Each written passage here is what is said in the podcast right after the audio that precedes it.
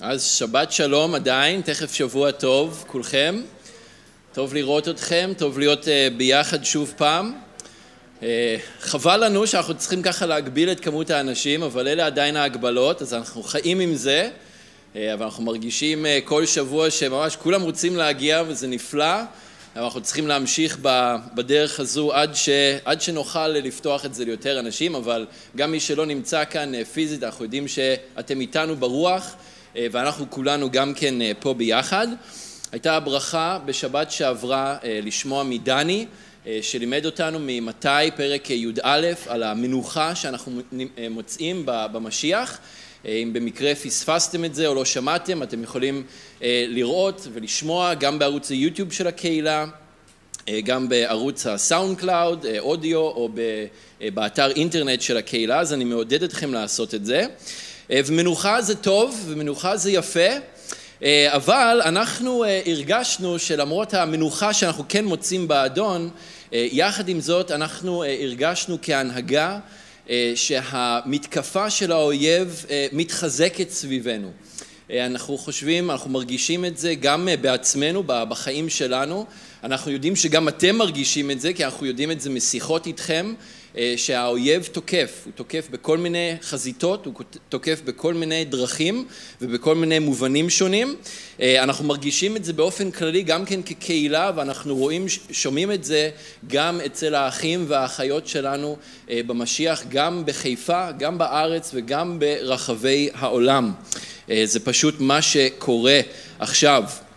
אז אנחנו הרגשנו שזה נכון והחלטנו שאנחנו לא נחזור היום לסדרה בראשונה לטימותאוס, אנחנו עוד נגיע לזה, אבל אנחנו רוצים לקחת כמה שבועות כדי לדבר על מלחמה רוחנית. אה, אולי הרגשתם את זה תוך כדי ההלל, אבל אנחנו מורידים את הכפפות, כמו שאומרים. ואנחנו לא נותנים לדברים האלה להמשיך, ואנחנו רוצים לקחת כמה שבועות כדי לדבר על משהו שאני לא חושב שדיברנו עליו בקהילה, אה, לפחות לא בשנים האחרונות, ולא בצורה אולי אה, כל כך ממוקדת ומפורטת כמו שאנחנו רוצים לעשות. אה, ואנחנו רוצים להתחיל, אנחנו נתחיל היום סדרה שכפי שאתם יכולים לראות, אנחנו קוראים לזה המשיחי בשדה הקרב. עכשיו אני מקווה שבאתם ככה ואתם uh, ברוח לוחמנית, ואם לא אז זה הזמן ככה להיכנס לרוח הלוחמנית. בסוף uh, הדרשה, אפילו היום אני מקווה, ובטח בסוף הסדרה, אנחנו מבחינה רוחנית נראה משהו כמו החייל הרומי הזה. אגרסיביים, החרב שלופה, ואנחנו uh, תוקפים. לא, לא נשארים אפילו בעמדות הגנה, אנחנו ב, עוברים לעמדות התקפה. מה שנקרא. אז אנחנו נדבר מתוך האיגרת אה, אה, של שאול אל האפסים, פרק ו', אתם יכולים כבר לפתוח שם, מפסוק 10 עד פסוק 18, פסוקים שאתם בטח אה, מכירים ויודעים, אבל אנחנו רוצים לקחת את השבועות האלה כדי לדבר על, על, על הפסוקים האלה אני היום מתמקד בפסוקים 10 אה, עד 13 וגם במה שאני אלמד היום זה לא יהיה כל מה שיש פה בפסוקים האלה, אוקיי? זה יהיה רק אה, חלק מהדברים. אני לא אתייחס למלוא נשק האלוהים, אני לא אתייחס כל כך לציווי ללבוש את מלוא נשק האלוהים או לקחת את, את נשק האלוהים, אבל אל תדאג, אנחנו נגיע גם לזה. אבל נדבר על הפסוקים האלה מזווית אחרת, חלקית. אז אם אתם נמצאים אה, בפרק ו' באפסים, אנחנו נתחיל אה, ונקרא ביחד. סוף דבר, חזקו באדוני ובכוח גבורתו. לבשו את מלוא נשק האלוהים למען תוכלו לעמוד נגד נכלי השטן. כי לא עם בשר ודם מלחמה לנו, אלא עם רשויות ושררות, עם מושלי חשכת העולם הזה, עם כוחות רוחניים רעים בשמיים. על כן קחו את מלוא נשק האלוהים למען תוכלו להתנגד ביום הרע ולעמוד לאחר עשותכם את הכל.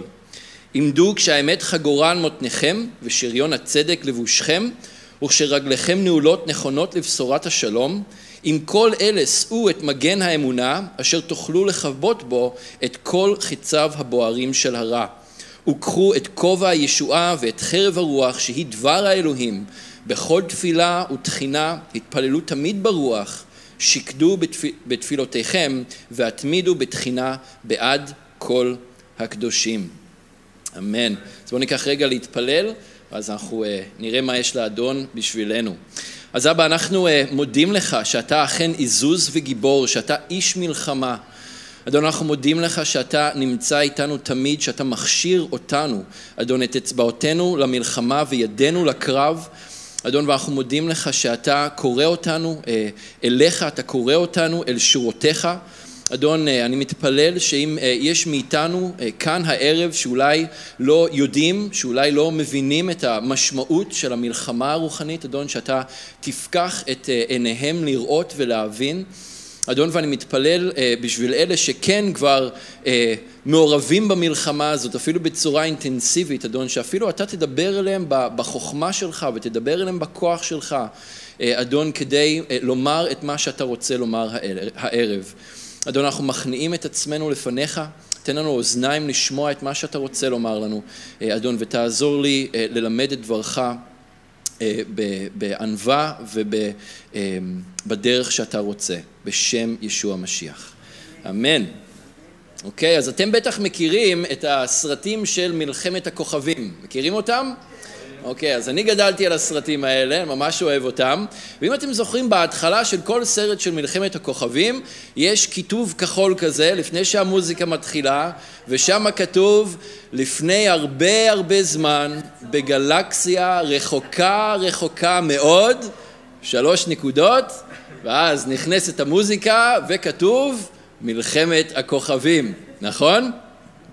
אז ממה שאנחנו קוראים כאן מדבריו של שאול לאפסים, יש מלחמה. יש מלחמה. יש מלחמה שהיא רוחנית, יש כלי נשק, יש אויב, יש לו מזימות. לנו יש צד במלחמה הזאת, אנחנו עומדים עם אדוני צבאות, והוא עומד איתנו, אדוני צבאות עמנו, משגב לנו, אלוהי יעקב, סלע. אנחנו עומדים עם ישוע, שכתוב בהתגלות 19, שהוא מוביל את צבאות השמיים אחריו. אנחנו באמצע מלחמה, ומה שאני רוצה שאנחנו נראה היום, מתוך הפסוקים, שלושת הפסוקים הראשונים, 10 עד 13 בקטע שלנו, זה איך אלוהים קורא לנו ואיך אנחנו יכולים להתחזק בו ובכוח גבורתו. אלה הפסוקים הראשונים, אלה המילים הראשונות שש, ששאול כותב, להתחזק באדוני ובכוח גבורתו. וזה מה שאנחנו צריכים לעשות ורוצים לעשות במסע הזה אה, אל תוך שדה הקרב, אה, אפשר לומר. איך אנחנו עושים את זה? אז אנחנו נראה שיש שלושה דרכים ששאול מציין כאן לעשות את זה. הדרך הראשונה זה בכך שאנחנו בכלל נכיר בזה שיש מלחמה רוחנית ונכיר קצת מהאופי ומה, וממה שקורה בתוך המלחמה הרוחנית הזו. הדרך השנייה זה לדעת לזהות מיהו האויב האמיתי. אוקיי? כי לפעמים יש מיסוכי עשן, לפעמים אנחנו מתבלבלים בעצמנו לגבי מיהו האויב האמיתי, אבל אנחנו יכולים להתחזק באדוני ובכוח גבורתו, בזה שאנחנו נדע מי האויב האמיתי במלחמה הזאת. והדבר השלישי זה שאנחנו נעמוד יציבים באלוהים כפי שהוא קרא לנו לעשות כמשיחיים שנמצאים בשדה הקרב. אז הדרך הראשונה, כמו שאמרתי, זה שאנחנו יכולים להתחזק באדוני ובכוח גבורתו, בכך שנכיר בכלל שיש מלחמה רוחנית. עכשיו, משפט הפתיחה ממלחמת הכוכבים היא דווקא מאוד מציאותית, אוקיי? סרט אה, בדיוני, אבל משפט מאוד מציאותי. אפשר אולי לשנות קצת את המלל ולהגיד לפני זמן רב, במימד רחוק רחוק או אחר אחר, מלחמה בשמיים. לא מלחמת כוכבים, מלחמה בשמיים. אם אתם תפנו להתגלות פרק י"ב, מפסוק 10 עד, 7 אה, עד 10, סליחה, אתם תקראו שכתוב ומלחמה התחוללה בשמיים. מיכאל ומלאכיו נלחמים בתנין והתנין נלחם ומלאכיו. זה ממש כמו התחלה של סרט של אה, מלחמת הכוכבים. הם לא התגברו וגם, לא, וגם מקומם לא נמצא עוד בשמיים. אז הושלך התנין הגדול, הנחש הקדמוני, הנקרא מלשין ושטן, המטעה את כל תבל, הוא הושלך ארצה ומלאכיו הושלכו איתו. ושמעתי קול גדול בשמיים אומר, עתה באה ישועת אלוהינו, גבורתו ומלכותו וממשלת משיחו, כי הושלך סוטן אחינו המקטרג עליהם לפני אלוהים יומם ולילה, והם, אנחנו, ניצחוהו בדם השה ובדבר עדותם, ולא אהבו את נפשם עד מוות. על זאת שמחו שמיים ושוכניהם. אוי לארץ ולים כי ירד אליכם השטן בחמה גדולה וביודעו כי קצרה איתו. אז הפסוקים האלה נותנים לנו הצצה קטנה והבנה גדולה לגבי המלחמה הרוחנית שבעצם מתרחשת בכל עת.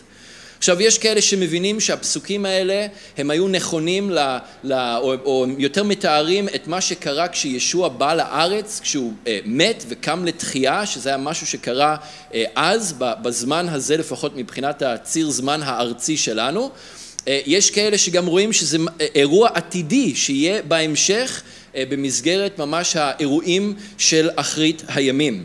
אבל ככה או ככה אנחנו מבינים שזה מראה לנו את המציאות של מה שקורה במימד הרוחני. זה נותן לנו הצצה פנימה לתוך עולם, לתוך מימד שאנחנו לא רואים ביום יום, שאנחנו גם הרבה פעמים לא ערים לו ביום יום.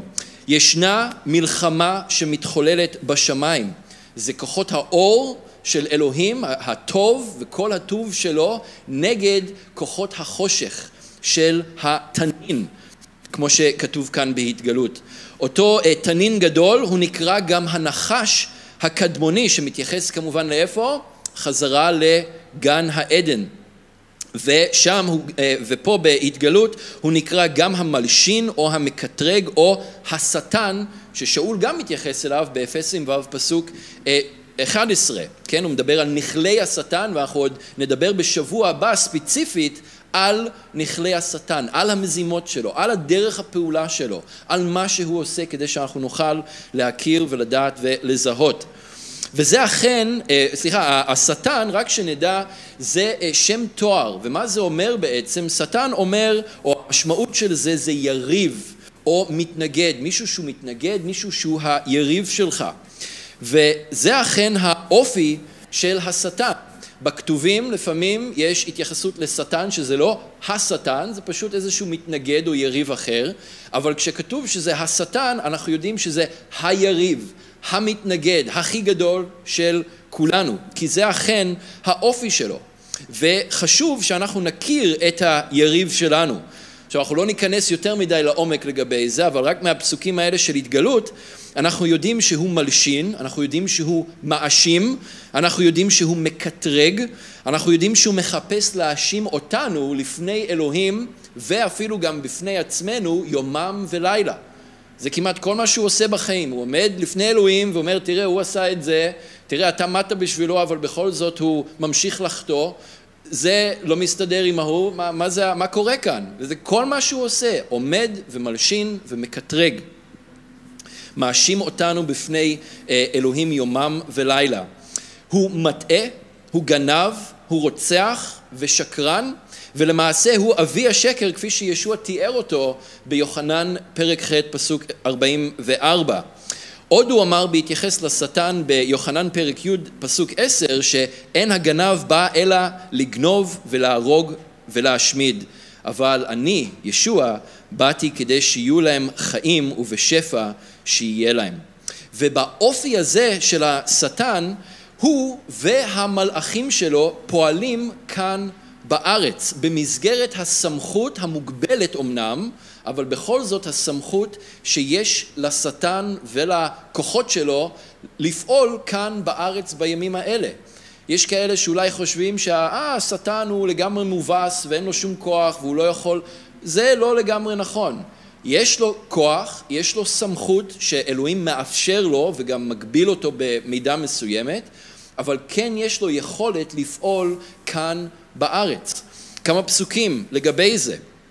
בשנייה לקורינתים פרק אה, ד' פסוק 4 כתוב אל העולם הזה עיוור את שכלם של הבלתי מאמינים לבל יזרח עליהם אור הבשורה של כבוד המשיח אשר הוא צלם האלוהים. אז אל העולם הזה השטן, כוחות הרשע שלו, מעוורים את שכלם של מי שלא מאמינים כדי שהם לא יוכלו לדעת ולא יוכלו להכיר מיהו ישוע ומיהו אלוהי ישראל. אפסים ב', פסוק 2, כתוב, גם אתם שהייתם מתים בפשעיכם וחטאיכם, בעבר התהלכתם בהם לפי עידן העולם הזה, כרצון השר, אשר לו השלטון בספירת הביניים, שזה מתייחס למימד הפיזי הזה שבו אנחנו נמצאים, והוא הרוח הפועלת עתה בבני המרי. יוחנן י"ד 13 כתוב, לא, ישוע כאן מדבר והוא אומר לא הרבה עוד לדבר איתכם כי שר העולם הזה הנה הוא בא ובי אין לו מאומה. גם בראשונה ליוחנן פרק ה' פסוק 19 כתוב ידענו כי מאלוהים אנחנו וכל העולם בראו כלומר הוא כולו תחת, נמצא תחת השלטון של הרע, של הרוע. עוד אנחנו למדים פה מהתגלות שהשטן כועס אנחנו מבינים את זה. הוא יודע שזמנו קצר וזה הולך ומתקצר מדי יום. כי כל יום שעובר אנחנו נהיים יום אחד יותר קרובים לביאתו של ישוע, שהוא בא לכונן את מלכותו כאן בארץ, אמן? אנחנו מחכים ליום הזה, אבל ככל שהיום הזה הולך ומתקרב, כל יום שעובר, זה יום שהשטן יודע שיש לו פחות יום אחד. הוא מסמן איקסים, אבל איקסים לא טובים על לוח השנה שלו. הוא יודע שהזמן שלו הולך ומתקצר, ולכן הוא מנסה לנקום בכל דרך שהוא רק יכול, והוא נלחם נגד כל האנושות כדי לעשות את מה שהוא הכי טוב בו, לגנוב, להרוג ולהשמיד, ובמיוחד כנגדנו, להילחם כנגדנו המאמינים, ואנחנו גם יכולים לצפות שככל שהימים יעברו האינטנסיביות של המתקפות שלו תלך ותעלה. ככל שהוא נכנס לפינה, מה קורה כשמכניסים מישהו לפינה? אטרף, נכון? ככל שהוא מבין שהוא הולך ונדחק לפינה, אה, אנחנו יכולים לצפות שהאינטנסיביות של הפעילות שלו תלך ותגבר, זה משהו שאנחנו חייבים להיות אה, אה, מודעים אליו. וזה שם אותנו באמצע שדה הקרב, באמצע הלחימה, באמצע המלחמה. עכשיו ברור לנו שאנחנו לא תמיד רואים את המלחמה הזאת שמתחוללת סביבנו. האמת היא לרוב אנחנו לא רואים אותה בכלל.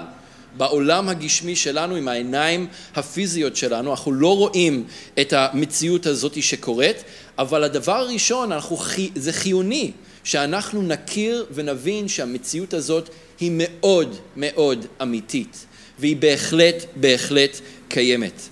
יש אה, שלוש אמיתות שאני רוצה שתצאו איתם אה, מה, מהלימוד הזה, יהיו עוד דברים בשבועות הבאים, אבל שלוש דברים שאני רוצה שאתם תזכרו מהדרשה הזו אה, הערב, והראשונה היא האמת הפשוטה הזו, שקיימת מלחמה רוחנית, זה הבסיס, זה מה שאנחנו חייבים להבין וחייבים להתחיל איתו, שיש מלחמה רוחנית. אסור לנו להיות עיוורים לאמת ולמציאות החשובה הזו.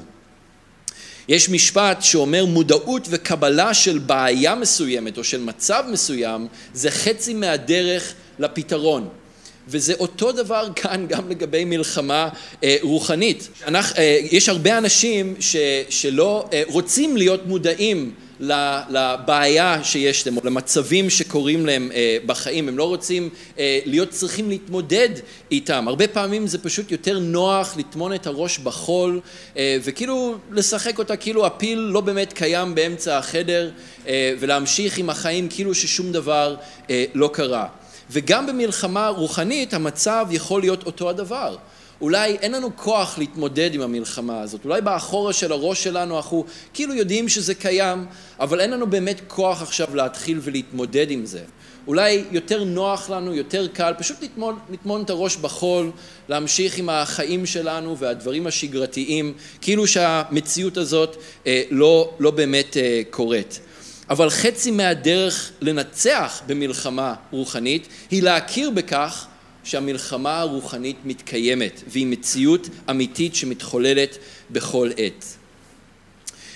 סי.אס אה, לואיס, שאני בטוח שרובכם יודעים ומכירים, המחבר המשיחי של סדרת הספרים אה, נרניה, שיצאו גם הרבה סרטים כאלה, הרבה פחות טובים מהספרים. תקראו את הספרים אם לא קראתם אותם. אז הוא, קרא, הוא כתב עוד הרבה ספרים, ואחד מהם זה ספר שנקרא מכתבים מן השאול.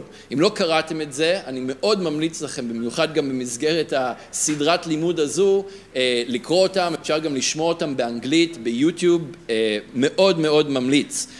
הספר הזה בעצם מציג התכתבות דמיונית בין עוקם שהוא שד בכיר במסדר השטני לבין שדון מתלמד וזוטר שכפוף לו בשם לענה. והוא מנסה, לענה בעצם מנסה להוליך שולל את הבן אדם שהוא הופקד עליו, הוא קורא לו הלקוח שלו אמ, כחלק מההכשרה שלו, כן, זה מאוד, זה באמת מאוד מעניין, מאוד אה, יצירתי איך שזה נעשה, אבל יש בזה כל כך הרבה אמת וכל כך הרבה תובנות לגבי איך שהצד השני פועל כנגדנו. והמכתבים האלה, כמו שאמרתי, הם אמנם דמיוניים, אבל הם מתארים בצורה מדויקת ומדהימה את אסטרטגיית המלחמה של אה, השטן. כשאחת מהאסטרטגיות המרכזיות שלו היא לשכנע את האנושות, אותנו ואת כל העולם, שהוא בכלל לא קיים, אוקיי? שעצם המחשבה שיש דבר כזה שטן ושדים ורוחות וכל העולם הזה כולל אגב אלוהים ומלאכים וישוע וכל מה שקשור במימד הרוחני, זה דבר מגוחך, זה דבר טיפשי, זה דבר מטומטם, שאין לו שום מקום לכל בן אדם בר דעת במאה ה-21. זה אגדות וזה סיפורים וזה בכלל בכלל אה, לא אמיתי. והשד הזה, עוקם, הוא מסביר לשדון לענה שהמטרה בעצם היא להפוך אה, בני אדם למטריאליסטים, לחומריים, כאלה שרק מתעסקים במה שיש לנו מול העיניים כל הזמן. ו- ולהיות בני אדם שדוחים את עצם הקיום של המימד הרוחני, ומכאן שדוחים ולא מבינים ולא רוצים או יכולים להתייחס לעצם קיומו של המלחמה הרוחנית שמתחוללת. כי אז הם יכולים לפעול בחופשיות מוחלטת, כי אין אף אחד שיילחם נגדם. אז אני... אה, מה קורה עם זה? שאני מכסה את זה פה למטה. אה, אז אה, רק אה, פסקה מתוך הקטע הזה. אז הוא כותב ככה, עוקם כותב, לענה יקירי, אני מתפלא שאתה שואל אותי אם חשוב שהלקוח שלך לא ידע על קיומך. הרי על שאלה זו כבר קיבלנו מענה, לפחות לגבי השלב הנוכחי במאבק מהפיקוד העליון. מי זה הפיקוד העליון? זה השטן, בדיוק. המדיניות ברורה, עלינו להסתיר את עצם קיומנו. כמובן, לא תמיד היה כך. אם לומר את האמת, אנחנו מתמודדים עם בעיה קשה ואכזרית, משום שכשבני אדם אינם מאמינים בקיומנו, נמנעות מאיתנו ההנאות שאותן אפשר להפיק מהתקפה ישירה עליהם. מסכנים. גם מכשפים ראויים לשמם כבר אי אפשר לטפח. מצד שני, כשהם מאמינים בקיומנו, אנחנו מאבדים את היכולת להפוך אותם לחומריים ולספקנים הכופרים בקיומו של העל-טבעי. זאת האסטרטגיה. זה לא קיים, וגם אם יודעים שזה קיים, אז לא, לא רוצים להתייחס לזה, לא רוצים להתערב בזה יותר מדי. אולי זה משהו רק לזרמים מסוימים באמונה המשיחית ולא לכולם. אנחנו כאן בכרמל לא רוצים להתעלם מקיומו של השטן, השדים שלו, המזימות שלו, התחבולות שלו ומהמלחמה הרוחנית שמתחוללת סביבנו. אז זה קריטי שקודם כל אנחנו נכיר במציאות הזו כדי שנוכל להתכונן אליה בהתאם. הדרך השנייה שאנחנו יכולים להתחזק באדוני היא בכך שאנחנו נכיר מיהו האויב האמיתי. אז האמת השנייה שאני רוצה שתצאו איתה מכאן היום הוא שהאויב האמיתי והמשותף של כולנו הוא השטן וכוחות הרשע שפועלים בשירותיו. עכשיו יכול להיות שאתם יושבים כאן ואומרים לו אבל זה ברור. כן, זה ברור מצד אחד, אבל לרוב אנחנו תמיד שוכחים את זה, ואנחנו מכוונים את האש לעבר מקומות אחרים. במקום לרכז את המאמץ שלנו בו ובמזימות שלו, אנחנו מכוונים את האש, לצערי הרבה פעמים אחד על השני ועל כל מיני דברים אחרים שקורים אה, בחיים שלנו. האויב הם לא בני אדם שנמצאים סביבנו, בטח שלא האחים והאחיות שלנו אה, באדון. אלא, כמו ששאול כותב כאן באפסים פסוק 12, רשויות ושררות, מושלי חשכת העולם הזה, כוחות רוחניים בשמיים. זה האויב האמיתי. עכשיו, שאול לא סתם כתב את זה כשהוא בעצמו היה מנותק מהעולם בתוך איזו בועה משיחית כזאת שכל היום מתעסק במלחמה רוחנית. תזכרו שבזמן שהוא כתב את המילים האלה לאפסים, אה, הוא בעצם אה, שהה, הוא היה כלוא ברומא. הוא ישב ברומא, הוא היה במאסר שם, וכל מה שהוא ראה כל יום זה את החיילים הרומים עומדים מחוץ למקום שהוא נאסר בו, מחוץ לתא שלו או החדר שבו היה נמצא. כל יום הוא היה, הוא היה רואה את שלטי האימפריה הרומית, כל יום הוא היה רואה את המבנים של האימפריה הרומית, את בית הקיסר, את הקולוסיאום, את הסנאט, את בית הנבחרים שלהם, ואלה היו בניינים רבי עוצמה ששידרו כוח ועוצמה. כל יום הוא ראה את המנהגים הפגאניים שאנשי רומא התעסקו בהם ביום יום, זה היה חלק מהחיים שלהם. אבל שאול הבין שהמאסר שהוא חווה, גם המאסר עצמו וגם החיילים שהוא רואה, הם רק ביטוי אה, למשהו הרבה יותר אה, אדיר ועמוק שקורה. החיילים הרומים, האימפריה הרומית אפילו, הם לא האויב האמיתי. המלחמה האמיתית היא לא נגד הקיסר או אזרחי רומא למיניהם, לא, לא משנה כמה הם רשעים או כמה רע הם עושים. זה לא אומר אגב שאין להם חלק במלחמה הזו, וזה לא אומר שבין אם ביודעין או שלא ביודעין הם לקחו צד במלחמה הזו והופכים להיות כלים בידיים של האויב בתוך המלחמה הזו, כמו שגם אנחנו צד במלחמה ביודעין, אנחנו לקחנו צד מאוד ברור, נכון? אנחנו עם אלוהים. האויב האמיתי הם הכוחות הרוחניים שעומדים מאחור, אוקיי? בפקודה, אה, בפקודת מבצע אה, צבאית, הסעיף הראשון מתייחס, זה, זה ידיעות, אוקיי? ידיעות כללי, אבל בתוך סעיף ידיעות יש סעיף שנקרא אויב, ובסעיף הזה מפרטים, לפני שבכלל מדברים על מה המשימה ומה אנחנו הולכים לעשות ומי הולך לתקוף מאיפה וכל הדברים האלה, מדברים על האויב, מה האופי שלו, מה הכוח שלו, מהם כלי הנשק שלו והיכולות שלו, מה סגנון הפעולה שלו, מה נקודות החוזק שלו ונקודות החולשה שלו. כדי שאנחנו, הכוחות הטובים, אנחנו נוכל לדעת איך להיערך ואיך להילחם בהתאם. איפה לרכז את המאמץ שלנו, את האש, וכמו שאמרתי לפני כן, לדעת במי לא לפגוע. לדעת במי לא לראות, זה גם חלק מאוד חשוב בהגדרת האויב. במי לא לפגוע, עם מי לא צריך להילחם, באיזה מובן לא צריך להילחם. זה חלק מאוד חשוב מזה. המלחמה האמיתית והאויב האמיתי הם לא משהו שאנחנו רואים בבשר ודם. לא עם בשר ודם מלחמה לנו. לא עם בשר ודם מלחמה לנו, אלא עם רשויות, שררות, מושלי חשכת העולם הזה וכוחות רוחניים רעים בשמיים. כולנו רואים ועדים לעימות המתמשך בין מדינת ישראל לבין אה, אה, עזה, אנשי עזה, אפשר להגיד את זה ככה, או בין החמאס בעזה, יותר נכון. ואנחנו השנה ממש הרגשנו את זה אפילו על בשרנו כאן בצפון הרחוק, מה שנקרא. ואני שואל אתכם, בסיטואציה הזו, מי הוא האויב האמיתי? האם האויב האמיתי הם אנשי עזה? ממש ממש לא. האם האויב האמיתי הם אנשי חמאס? אני אגיד לכם משהו, גם לא. זה נכון שהם לקחו צד ושהם כלים בידיו של האויב, השטן, שהוא פועל דרכם והם לקחו צד, זה נכון, אבל הם לא האויב האמיתי. נהרוג את כולם, יקומו עוד אחר כך, כי הכוח שעומד מאחור ממשיך לפעול. אוקיי? חשוב שנזהה מיהו האויב האמיתי.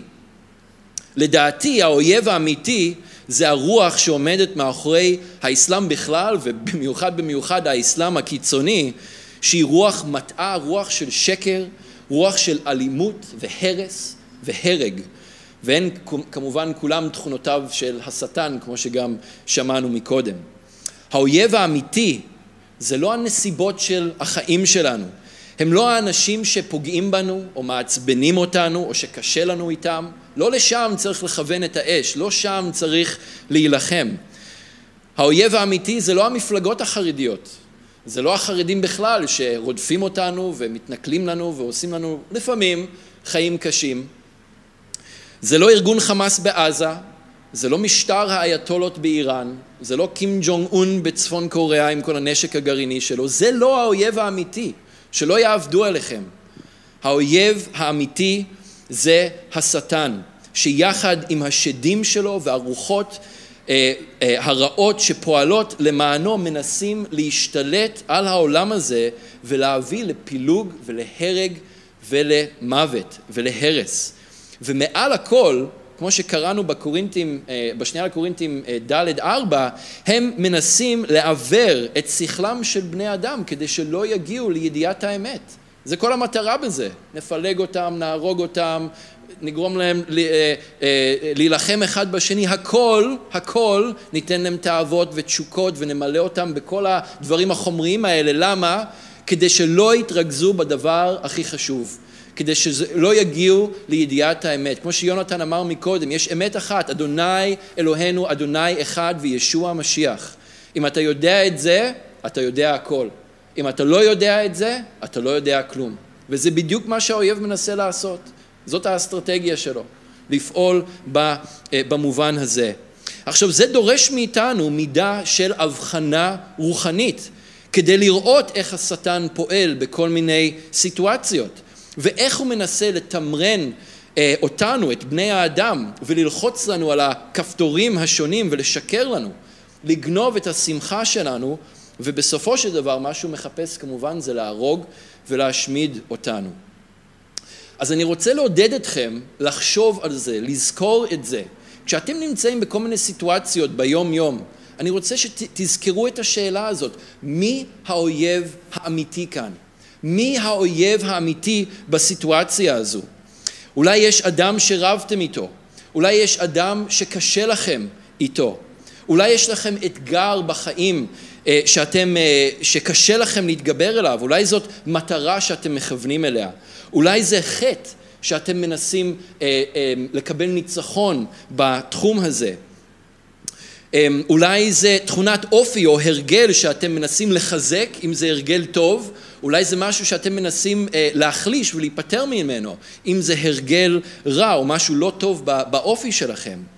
אז תשאלו את עצמכם איזה כוח איזה שררה פועלת כאן בסיטואציה הזאת, על איזה כפתורים המצב הזה לוחץ אצלי, מה זה גורם לי להרגיש, איך זה גורם לי להגיב, ומאוד חשוב, מה דבר אלוהים אומר לגבי מה שאני מרגיש ומה שאני עושה או לא עושה, כן?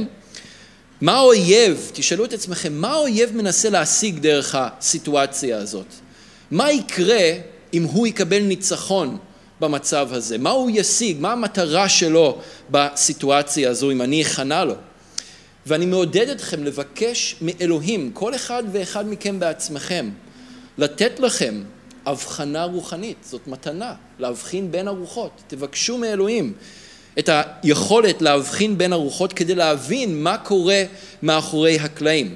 עכשיו, רק צריך לסייג את כל זה ולהגיד שלא כל סיטואציה בחיים יש איזה שד או רוח או משהו שפועל מאחורי הקלעים כדי לתקוף אותנו, אוקיי? או שפועל אה, מאחורי הקלעים.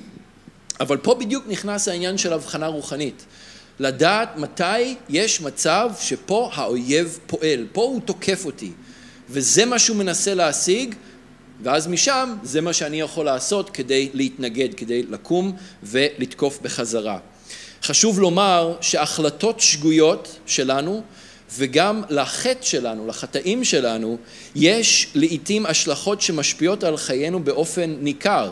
ולא צריך לבלבל, להגיד, טוב, חטאתי והתוצאות של החטא הם כאלה, וזה בעצם התקפה של האויב. לא. אז זה בדיוק העניין של ההבחנה הרוחנית ולדעת מה כן ומה לא. אבל מלבד זה, תזכרו שהאויב האמיתי, זה הדבר הכי חשוב, שהאויב האמיתי הוא לא האדם שעומד מולכם, או שנמצא בסיטואציה הזאת איתכם, זה לא איזה מוסד או, או משהו ככה אה, גרנדיוזי שאולי אתם מרגישים שמנסה להשתלט, אולי הם כלים, אולי זה כלי בידיו של, של האויב, זה כן, זה לא מרפי שאתם חושבים שרודף אחריכם עם המזל הנח שלו כל, ה, כל הזמן וגורם לכם לכל מיני בעיות, אלא האויב שפועל כל הזמן, כל הזמן, והוא כמובן אה, השטן. עכשיו הדרך, זה מוביל אותנו לדרך השלישית שאנחנו יכולים להתחזק באדוני, וזה בכך שאנחנו נעמוד איתנים ונתנגד. בראשונה לקיפה, פרק ה', פסוקים אה, שמונה ותשע, קיפה כותב, היו ערים, לא ישנים, לא טומנים את הראש בחול, לא יותר מדי עסוקים עם דברים אחרים, לא אף אחד מהדברים האלה. היו ערים ועמדו על המשמר. תהיו דרוכים, תהיו מוכנים. הוא כבר נמצא, נראה לי, באמצע ההתקפה, הבחור הזה, אבל הוא היה דרוך והוא היה מוכן כנראה. היו ערים ועמדו על המשמר. למה? למה אנחנו צריכים להיות ערים ולעמוד על המשמר? כי אויביכם השטן משוטט כאריה שואג ומחפש לו לטרוף מישהו. עמדו נגדו יציבים באמונה, בידיעה שאותן הצרות עוברות על, על, אחיכם, על אחיכם אשר בעולם. השטן מסתובב באופן פעיל, רגע רגע, יום יום, ומחפש לו לטרוף מישהו. הוא מחפש באופן פעיל את מי הוא יכול לתפוס.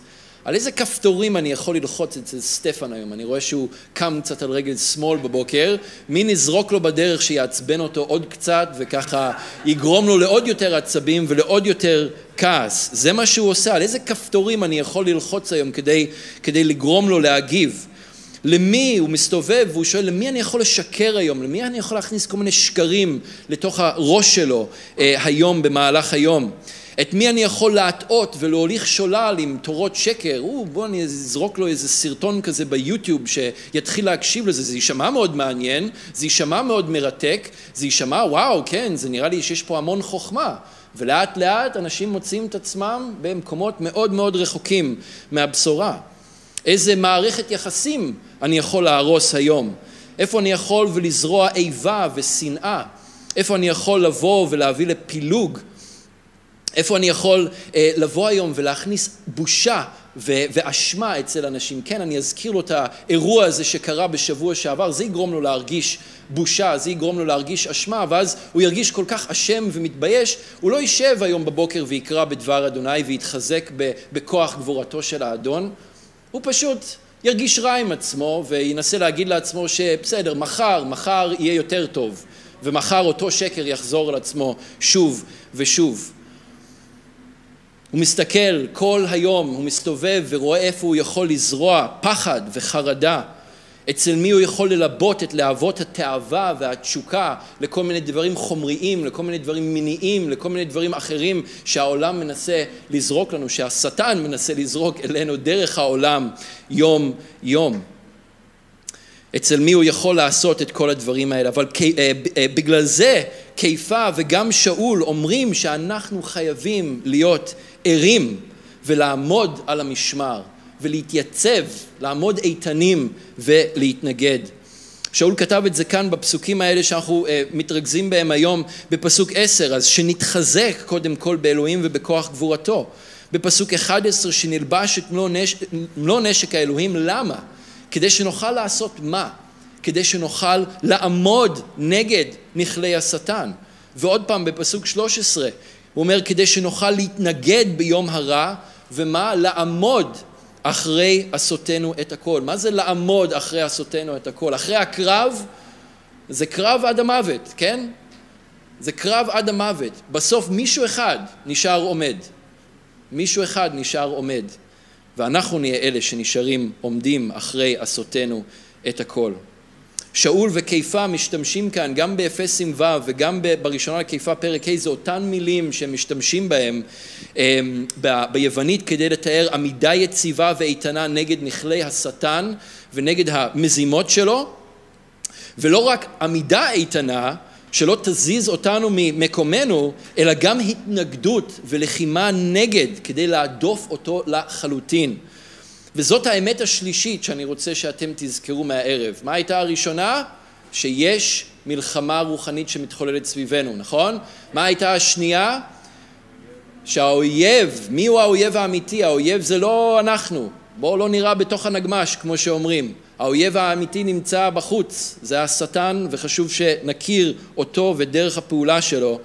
והאמת השלישית היא שאלוהים מצווה עלינו שאנחנו, שעלינו לעמוד ולהתנגד ושהוא עומד איתנו במלחמה, כמו שאמרנו מקודם, הוא איש מלחמה, הוא גיבור ועזוז, הוא גיבור מלחמה והוא איתנו במלחמה, נלחם איתנו ולמעננו. ואלוהים לא יצווה עלינו לעשות משהו שאין בכוחנו לעמוד בו, זה לא מה שהוא עושה.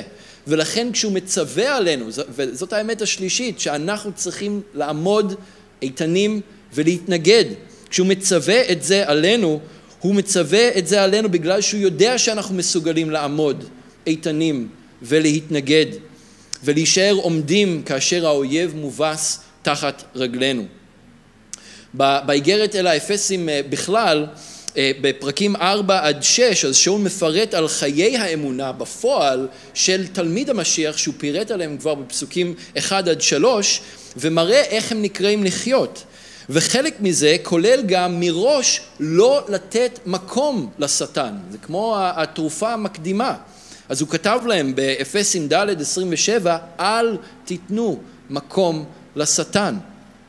אבל כאשר הוא תוקף באמצעות קושי, באמצעות פיתוי, באמצעות ניסיון או באמצעות אה, צרה, אז אנחנו יכולים לעמוד איתנים ולהתנגד. יעקב כותב בפרק ד' של האיגרת שלו, פסוק שבע, על כן היכנעו לפני אלוהים, התייצבו נגד השטן, ומה יקרה? ויברח מפניכם. ובאותה נשימה אני רוצה להזכיר גם את ישעיה, פרק נ"ט פסוק 19, החצי השני של הפסוק שכתוב כי יבוא כנהר צר רוח אדוני נוססה בו. וזה אומר כש, כשהאויב מגיע כמו נהר, כשאנחנו מרגישים שאנחנו נשטפים באיזה מתקפה, כשאנחנו מרגישים שזה יותר מדי בשבילנו, שאנחנו לא יכולים לעמוד בגלל הנהר ששוטף אותנו. ראיתם פעם נהר של מים או כמות של מים ששוטפת אנשים? רואים את זה לפעמים בשוברי גלים, נכון? אנשים לא יודעים שיש גלים שעומדים לבוא, אז הם עומדים על, הגל, על השובר גלים, פתאום בא גל ופשוט שוטף אותם מהרגליים, מפיל אותם לחלוטין, כי הם לא יכולים לעמוד כנגד הזרם החזק של המים. ולפעמים האויב מגיע בצורה כזו, כמו שטף, כמו של נהר, אבל כתוב רוח אדוני נוססה בו. רוח אדוני בא ונלחם, מנוסס את הדגל, מרים את הדגל, את דגל הניצחון, וגורם לו אה, לברוח ולהסתלק. וכשאנחנו, שני הדברים האלה ביחד, כשאנחנו מתייצבים נגד השטן, כשאנחנו אומרים לו די, עד לכאן, כשאנחנו, כמו שתמיד עושים, מסמנים את הקו בחול, חביבי, עד לכאן, זאת הנקודה. אז אנחנו למעשה עומדים איתנים ואנחנו מתנגדים לו. ושם אלוהים גם נלחם איתנו והוא נלחם למעננו. והאויב יברח מפנינו ואנחנו ננחל ניצחון, אמן? חשוב להגיד בהקשר הזה שזה אה, לא אומר שהאויב לא ינסה לחזור עוד פעם ולתקוף שוב ושוב ושוב, זה לא אומר שהוא לא ינסה לתקוף באיזושהי דרך אחרת, אוקיי? אה, אולי זה לא יקרה מיד, יכול להיות שהוא קם באותו בוקר עם, עם יותר אה, רוח אה, ככה של, של תעוזה ושל עיקשות והוא ינסה כמה פעמים, אבל אם אנחנו מתייצבים נגדו, אם אנחנו עומדים איתנים ומתנגדים לו, בסופו של דבר הוא יברח. בסופו של דבר הוא יברח. בכל מלחמה יש כמה קרבות. בדרך כלל, זה לא זבנג וגמרנו, אנחנו כאן במזרח התיכון, אנחנו יודעים את זה טוב מאוד, חוץ מאולי מלחמה אחת שהיה לנו אירוע כזה של זבנג וגמרנו, אה, אבל במלחמה יש קרבות, ומנצחים בקרב אחד, מנצחים בעוד קרב, לפעמים גם מפסידים בקרב אחד, וזה קורה וזה בסדר, אבל חוזרים עוד פעם למערכה, מתארגנים מחדש, מחדשים כוחות, נכנסים לקרב שוב, מנצחים עוד פעם ועוד פעם ועוד פעם, עד שבסופו של דבר אנחנו גם כן מנצחים במלחמה כולה. יש ציטוט יפה שאומר, השמחות הגדולות ביותר באות מהניצחונות הגדולים ביותר, והניצחונות הגדולים ביותר מוכרעים במלחמות הגדולות ביותר. אחד המוטואים של אה, צה"ל, אה, אחד הסלוגנים שלהם זה גם המעז מנצח. אז אני רוצה לעודד אתכם היום ולהגיד לכם, תעיזו, תעיזו לעמוד נגד, לעמוד איתנים ולהתנגד לאויב ב- ביום הרע, ואתם תעמדו אחרי עשותכם את הכל. אני חושב שהלימוד הזה היום זה התחלה של משהו וזה צו גיוס לכולנו, קריאה להתחזק באדון ובכוח גבורתו, לשאת נשק, להרים חרב, דבר אדוני ולהיכנס ללחימה. בין אם אתם רוצים להכיר בזה או לא, יש מלחמה רוחנית שמתחוללת. בין אם אתם רוצים להכיר בזה או לא, יש אויב שמסתובב שם בחוץ והוא מנסה לתקוף כל אחד ואחת מאיתנו. וזה לא אנחנו, כמו שאמרתי, זה לא בשר ודם, זה לא אנשים אחרים, זה האויב שעומד מאחורי כל הדברים האלה. אבל למרות שיש מלחמה ולמרות שיש אויב אמיתי שהוא לא בשר ודם, אם אנחנו נעמוד איתנים, ואנחנו מסוגלים לעמוד איתנים, כי גדול הוא זה שבאנו מזה שנמצא בעולם, והוא מחזק אותנו והוא אה, מרים אותנו. אם אנחנו יכולים לעמוד איתנים ולהתנגד ולהילחם נגד האויב במימד הרוחני ובשבועות הבאים, אנחנו נדבר על איך אנחנו עושים את זה בפועל, הלכה למעשה, כשאנחנו נתנגד ולהנחם בעזרת מלוא נשק האלוהים בעזרת רוח הקודש שנמצא בנו, בעזרת ישוע שנמצא לצידנו, ובעזרת אחד והשני, כן, כולנו שגם עומדים ביחד במלחמה הזו, אז אנחנו נעמוד אחרי עשותנו את הכל. אני רוצה לסיים עם הפסוקים האחרונים, דווקא מהראשונה לקיפה, אה, פרק ה', פסוקים 10 ו-11, זה ההמשך למה שהקראנו מקודם. כתוב, ואלוהי כל חסד, אשר קרא אתכם אל כבודו לעולמים, לעולמים, במשיח ישוע, אחרי סבלכם המעט, הוא ישלים אתכם וגם ייצב ויחזק ויכונן אתכם. לו הכבוד והגבורה לעולמי עולמים. אמן. אז בואו נתפלל. הללויה, אבא, אנחנו מודים לך אנחנו מודים לך שלך אכן הכבוד והגבורה והממלכה והתפארת לעולמי עולמים. אדון, אנחנו מודים לך שאת המלחמה אתה כבר ניצחת, כמו שגם שרנו מקודם, אתה כבר ניצחת, אדוני. ואדון, אנחנו מודים לך שאנחנו יודעים שיש לנו אלוהים גדול, שיש לנו אלוהים שהוא איש מלחמה, שהוא גיבור חיל, שהוא אדוני צבאות. אנחנו מודים לך, אדון ישוע, שאתה מוביל את צבאות השמיים ואתה נלחם בעדנו, ושהמלחמה לאדוני. ואדון, אנחנו רוצים להיות אה, לא עיוורים למציאות הזו. אדון, אנחנו רוצים להיות ערים לה, אנחנו רוצים להיות ערים ולעמוד על המשמר. אדון, אנחנו רוצים לראות מתי האויב תוקף ואיך הוא תוקף, אדון, ואנחנו רוצים להיות מסוגלים לעמוד איתנים, אדון, ולהתנגד ביום הרע. אדון, ולמצוא את עצמנו עומדים חזקים יותר ממה שהיינו אפילו לפני שנכנסנו למערכה, אחרי עשותנו את הכל. אנחנו מודים לך, אדון, שאתה מוביל אותנו במסע הניצחון במשיח ישוע, אדוננו. ומפיץ על ידינו את ניחוח דעת האלוהים בכל מקום. אז אדון, אני מתפלל שתמשיך לדבר אלינו את האמיתות האלה, תמשיך, אמ, אדון, במיוחד להזכיר לנו במשך השבוע, אדון, להתרכז, לשאול את השאלה הזו. אם יש כאן משהו שקורה מאחורי הקלעים, יש כאן איזושהי דרך שהאויב מנסה לתקוף. אדון, אני מתפלל שאתה תחדד את העיניים והאוזניים הרוחניות שלנו. אדון, אני מתפלל שאתה תיתן לכולנו הבחנה רוחנית. אדון, כדי לדעת לזהות אמ, ולזהות ולראות את הפועל של האויב, אדון, ולהיות מסוגלים לעמוד ולהילחם נגד. ואנחנו מודים לך, אדון, על הניצחון שיש לנו בך. אנחנו מודים לך, אדון, שאתה איתנו בכל עת, במלחמה לאדוני, בשם ישוע המשיח.